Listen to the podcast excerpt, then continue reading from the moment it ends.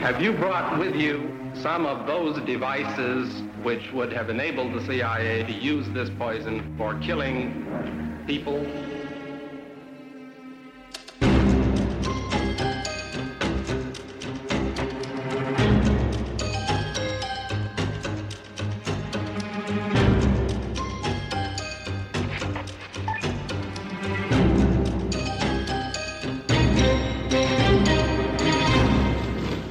Special Boat Squadron was also involved in the final Allied offensive in Italy in April 1945.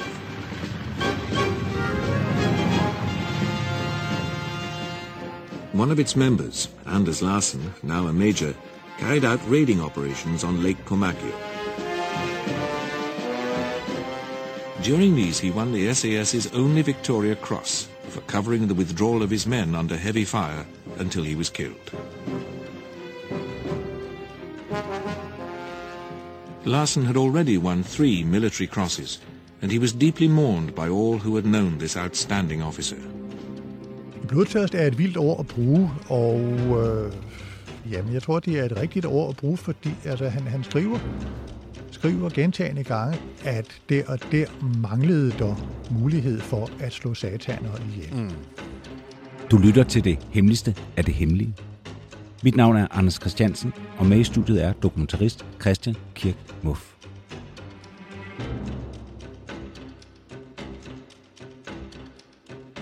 Christian, det her afsnit, det har vi jo lagt op til, jeg tror to gange faktisk.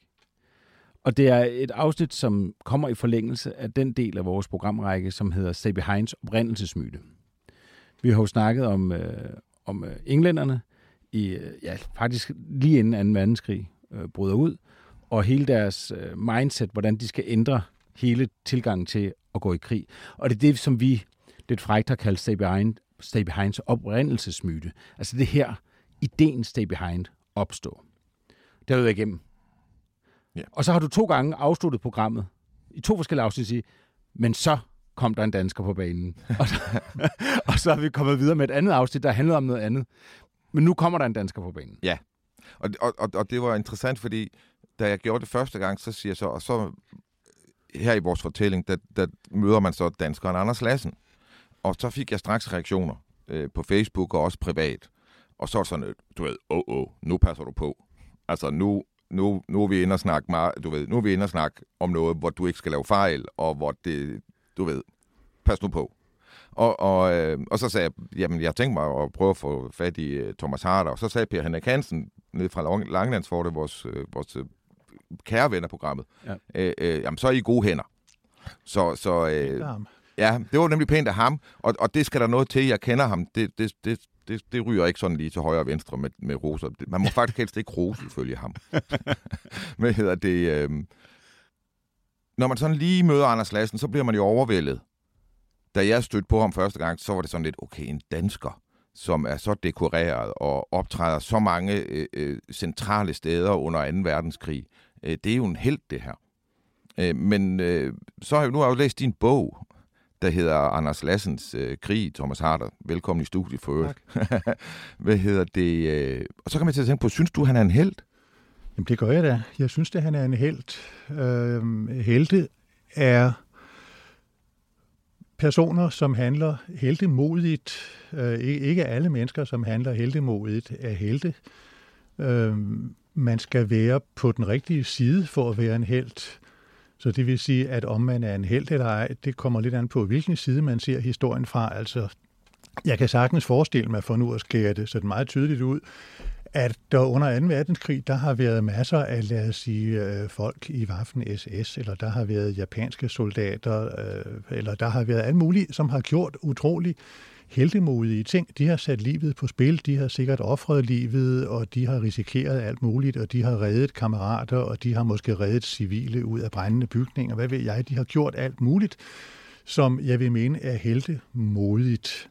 Men de bliver ikke til helte øh, i, den for, i mit forstand, fordi de er på den forkerte side. Altså helten øh, kæmper for en god sag. Øh, man kan selvfølgelig også skære det på en anden måde og sige, at en held er en person, som gør noget heldemodigt. Det synes jeg er en, en lidt reducerende måde. Jeg synes, at der i heltebegrebet også er et, et moralsk aspekt, man skal være på den rigtige side.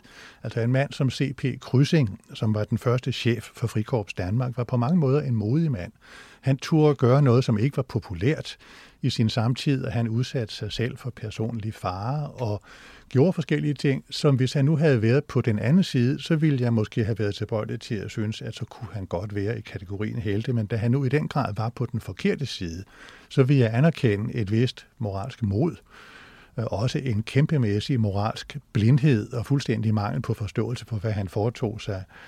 Øh, og dets konsekvenser, men jeg kan ikke komme udenom, at manden havde et mod men det kvalificerer ham ikke til at være en held, fordi han var på den i den grad gale side. Anders Lassen var på den rigtige side, og han var kolossalt modig. Han øh, offrede ikke livet med vilje, det mener jeg ikke, han gjorde, men han var villig til gang på gang at risikere livet for den sag, han nu kæmpede for, for den pligt, han havde, og det var altså øh, set fra vores side af historien den rigtige side, han var på, og det gør ham i mine øjne til en held.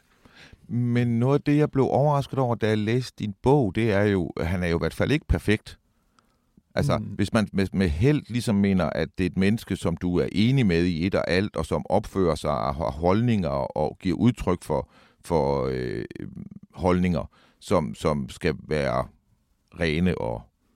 Jamen, det mener jeg ikke, at helten behøver at gøre. Mm. Altså, jeg tror ikke, at Anders Lassen, jeg er ikke sikker på, vil jeg sige, jeg er ikke sikker på, at Anders Lassen og jeg ville have brugt os særlig meget om hinanden, hvis vi havde mødt hinanden. Jeg kan forestille mig alt muligt ved, ved mig selv og ved den type øh, person, jeg er, og det liv, jeg lever, som han ville synes var irriterende eller ikke noget særligt værd. Og jeg kan også forestille mig en række øh, karaktertræk ved ham, som jeg ikke ville bryde mig særligt om, eller måske ikke ville være særlig tryg ved at være i selskab med ret længe af gangen. Men sådan er det jo med mennesker. Altså mennesker har forskellige sider, og øh, det synes jeg er mindre væsentligt i den sammenhæng.